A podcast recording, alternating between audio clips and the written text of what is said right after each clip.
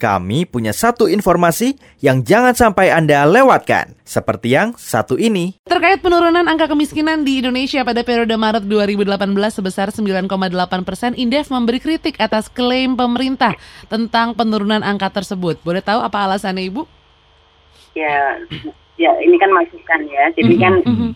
eh, tentu kalau dari sisi rilisnya BPS kita nggak meragukan lah eh, bagaimana eh, BPS sudah melakukan perhitungan dengan metodologi eh, yang selama ini dipakai Mhm. gitu.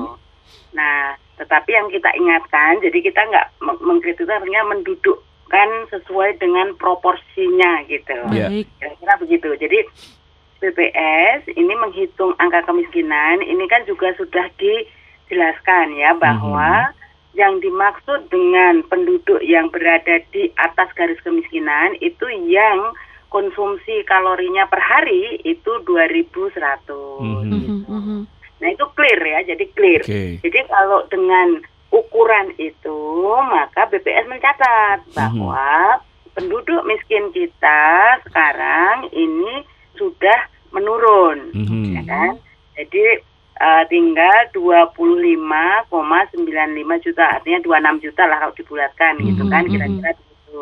Nah, itu memang mengalami penurunan yang cukup signifikan kalau dibandingkan Maret 2000 eh 17. Mhm, Jadi menurunnya 1,82 juta gitu. Tapi Mhm. kalau dibandingkan dengan September sebenarnya malah agak ada perlambatan penurunan gitu kan. Mhm. Baik. Nah, sehingga ini yang harus menjadi satu eh, ini dulu gitu loh pemahaman bah- bahwa ketika kita mengatakan penduduk eh, sudah tidak miskin lagi itu baru yang bisa mengkonsumsi 2100 kalori. Itu Hmm. pertama. Oke. Nah, kedua, kalau kita lihat misalnya kita bandingkan apakah ini dampak dari efektivitas program pemerintah gitu. Bisa jadi iya, karena Hmm. apa? Karena dalam triwulan satu kemarin ini kan Raskin biasanya kan uh, agak tersendat ya. Apa Mhm. Rastra sekarang namanya, maaf, Iya. bukan Raskin, Mas uh, Bima ya. Mhm, Jadi mhm. Rastra itu sudah disalurkan itu 99% lebih. Mhm. Jadi hampir seluruh rastra itu sudah disalurkan di eh, apa triwulan 1 Januari sampai Maret itu semua sudah tersalurkan Mhm, gitu. Nah, justru pertanyaannya kalau rastra itu disalurkan dan rastra itu kan eh, targetnya atau yang diberikan itu ada sekitar 15 juta rumah tangga. Mhm. Nah, jadi kalau dengan sudah dapat rastra itu saja, mestinya untuk bisa mengkonsumsi 2.100 kalori dan ini kalau rastra itu benar-benar diterima oleh penduduk yang selama ini dibilang miskin tadi, yang tadinya 27 juta itu, mhm. mestinya berkurangnya itu justru jauh lebih besar gitu kan. Oke. Ada 15 juta rumah tangga Mhm, gitu. iya. Baik. Nah, jadi itu kan pertanyaan. Nah, kedua juga bansos.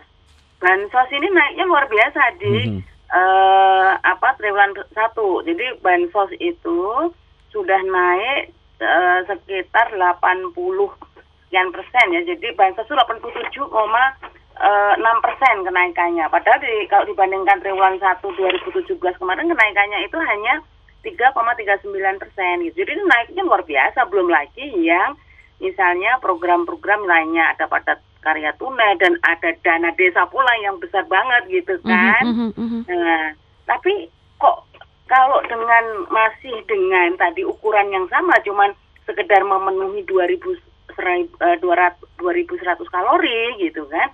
Kok eh, apa tetap segitu besarnya masih ada 25 juta lebih atau 26 juta penduduk miskin gitu. Mhm, Jadi ini yang harus benar-benar eh, detail. Jadi Oke. tidak hanya sekedar melihat eh, statistik gitu kan, Mhm. tapi what the meaning the, uh, angka itu, Ang- angka Oke. itu menunjukkan apa Mhm, gitu. Mhm. Karena ini penting sebagai bahan evaluasi kita eh, melakukan evaluasi apakah kinerja atau kebijakan eh, ekonomi yang kita lakukan ini sudah eh, on track atau belum sesuai Mhm. dengan memenuhi harapan masyarakat atau belum gitu kan.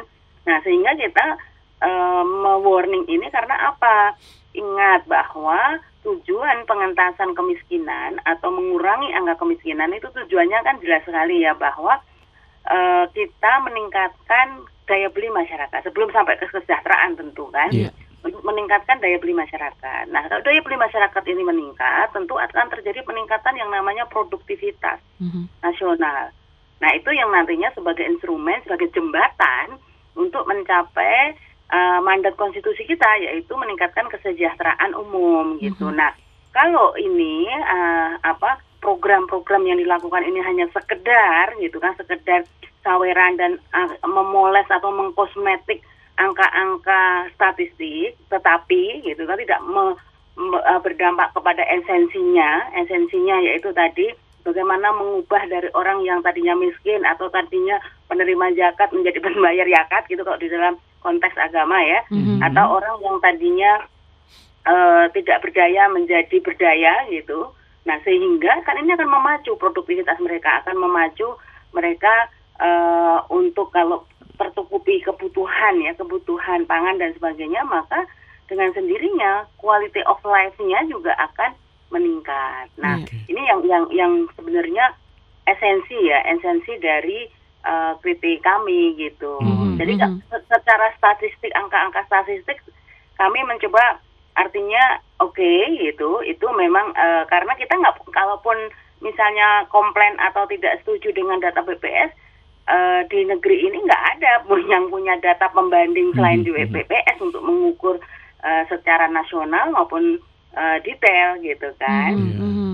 Nah, dan saya yakin eh, BPS punya integritas lah untuk menghasilkan mhm. data itu. Tetapi yang harus benar-benar kita eh, pahami adalah bahwa eh, itu hanya mengcapture gitu atau menggambarkan penduduk yang eh, bisa mengkonsumsi 2.100 kalori. Nah, Mhm. makanya garis kemiskinannya pun juga relatif ya, relatif eh, cukup rendah. Jadi rata-rata itu kan hanya 4.400 seribu, 401, 401 ribu gitu kan. Mhm. Nah, kalau ditanyakan misalnya ada eh, masyarakat yang tanya apakah misalnya untuk eh, membiayai kehidup hidup hari ini 400 ribu itu bisa cukup sebulan gitu Hmm. kan. Nah, Mhm. jadi ini kan yang, yang harus di-matchkan tadi antara Ya. angka-angka statistik dengan realitas yang ada di masyarakat. Walaupun mungkin di beberapa desa gitu eh, 400 ribu masih bisa, tapi berarti bisanya itu ya tadi kembali lagi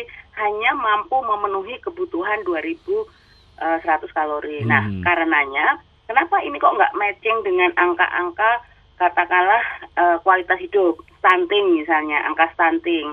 Angka stunting kita eh, ini eh, dan ini juga di, di, dikonfirmasi oleh Bappenas dari angka stunting kita bahwa satu di antara tiga anak Indonesia itu mengalami stunting. Nah, jadi ini eh, yang harus kita perhatikan termasuk juga indeks eh, PISA kita. Jadi yang ukurannya bagaimana kemampuan matematika dan sebagainya itu kan kita rendah sekali juga gitu. Nah, sehingga ini yang harus benar-benar menjadi bahan evaluasi termasuk misalnya eh, di ruang satu ketika eh, penduduk miskin ini benar-benar eh, meningkat gitu daya belinya maka pertumbuhan ekonomi di triwulan satu kemarin tidak mungkin hanya eh, kurang dari 5,1 hanya 5,06 gitu kan. Karena pertumbuhan konsumsi rumah tangganya pasti akan juga mengalami peningkatan. Ternyata justru di triwulan satu kemarin konsumsi rumah tangga itu turun dari Mhm. triwulan 4 triwulan 4 kan 4,97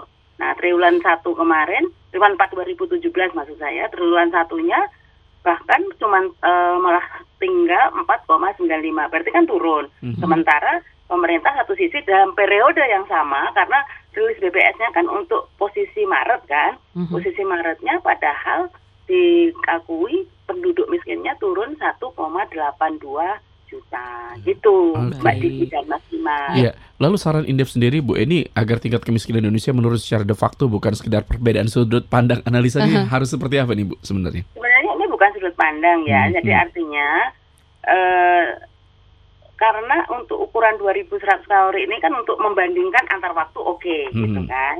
Nah tetapi untuk benar-benar menjadi bahan evaluasi itu pemerintah juga harus memperhatikan misalnya mengukur dari indikator-indikator yang lain, memperhatikan indikator-indikator yang lain Ya. gitu Mhm. termasuk Mhm. tadi Mhm. indikator bagaimana daya beli masyarakat, bagaimana tingkat produktivitas masyarakat dan sebagainya. Nah itu dijadikan satu angka atau variabel-variabel yang komprehensif gitu Mhm, loh. Iya. Nah sehingga nanti tidak ada saling klaim mengklaim gitu karena kan ini semua kebijakan ini kan eh semua data-data itu kan nanti digunakan untuk pengambilan kebijakan Betul. itu yang paling penting jadi kalau masalah data sih saya nggak nggak nggak ini ya nggak Hmm. nggak nggak apa nggak terlalu mempermasalahkan karena baik data kemiskinan data termasuk juga data pengangguran kan turun tapi kan itu Ya. pengangguran harus diingat bahwa yang dihitung BPS itu hanya yang bekerja minimal satu jam per hari eh per minggu bukan per hari per minggu gitu kan. Nah